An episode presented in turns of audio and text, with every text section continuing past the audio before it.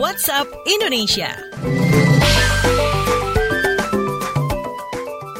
Waktunya kita keliling Indonesia di WhatsApp Indonesia. Kita mulai dari Jakarta. BMKG sebut 64 persen wilayah Indonesia sudah masuk musim kemarau. Selengkapnya dilaporkan reporter KBR Astri Septiani. Selamat pagi. Selamat pagi. Badan Meteorologi, Klimatologi, dan Geofisika BMKG menyebut sebagian besar wilayah di Indonesia sudah memasuki musim kemarau. Kepala Bidang Analisis Variabilitas Iklim BMKG Indra Gustari mengatakan, berdasarkan evaluasi hingga akhir Juni, 64 persen wilayah di Indonesia sudah memasuki musim kemarau. Ke depan, kata dia, daerah Jawa Barat hingga Nusa Tenggara memiliki potensi hujan yang rendah sehingga harus waspada terhadap kekeringan. Sebaliknya, wilayah pantai barat Sumatera, Kalimantan Barat bagian utara, bagian tengah Sulawesi hingga Papua masih memiliki curah hujan yang tinggi.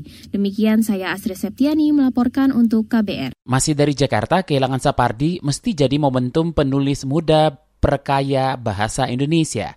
Kita simak reporter KBR Dwi Renjani.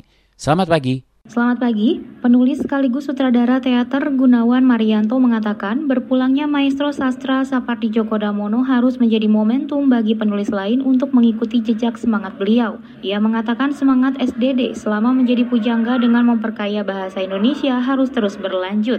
Ia meyakini betul tidak ada yang bisa menggantikan sang maestro, namun ia percaya bahwa generasi muda dapat memperkaya bahasa Indonesia dalam karya sastra dengan kata dan kalimat yang indah lainnya. Selain karya-karyanya yang membekas, sosok Sapardi Djoko Damono juga sangat berkesan. Bagi Gunawan, Sapardi merupakan sosok yang ramah, tidak pelit ilmu dan perhatian kepada para penulis muda sepertinya kala itu. Di matanya, Sapardi bukan hanya penyair atau pujangga semata. Sapardi merupakan sastrawan yang tidak kehilangan jati dirinya.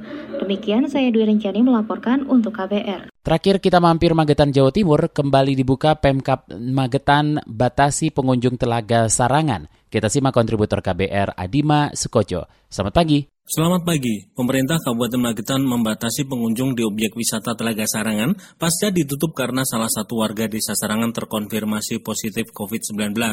Bupati Magetan Suprawoto mengatakan Telaga Sarangan masih terbatas untuk wisatawan lokal saja dengan kuota yang juga dibatasi. Bupati Magetan Suprawoto menambahkan warga Sarangan yang positif COVID-19 saat ini dirawat di ruang isolasi RSUD Magetan. Pemkab Magetan juga telah menelusuri kontak 9 warga dengan pasien positif dan hasilnya non-reaktif. Objek wisata Telaga Sarangan telah dibuka sejak hari Minggu kemarin. Demikian, saya Dimas Sukoco melaporkan untuk KBR.